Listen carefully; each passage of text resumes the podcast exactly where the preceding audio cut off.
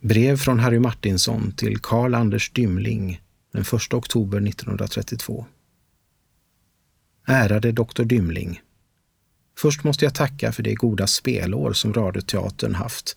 I avseende på verkligt radiogott framförande ger jag första priset åt den lilla pjäsen Skyldig eller icke skyldig.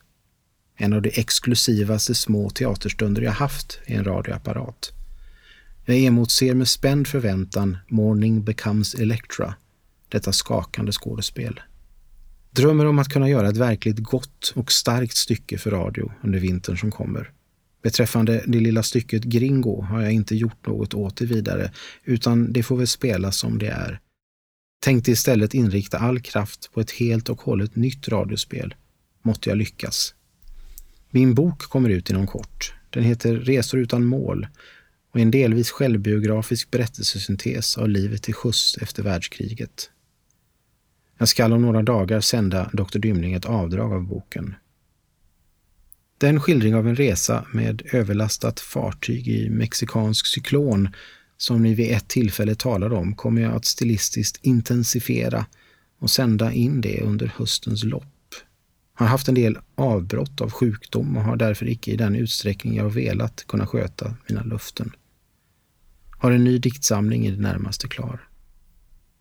Genom landet går nu hösten. Allt bladliv i lövtopparna brinner ut som eldslågor.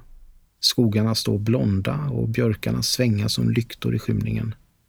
En grå byk av moln vältras upp ur horisonterna och tofsvipan skriker till uppbrott i kärren.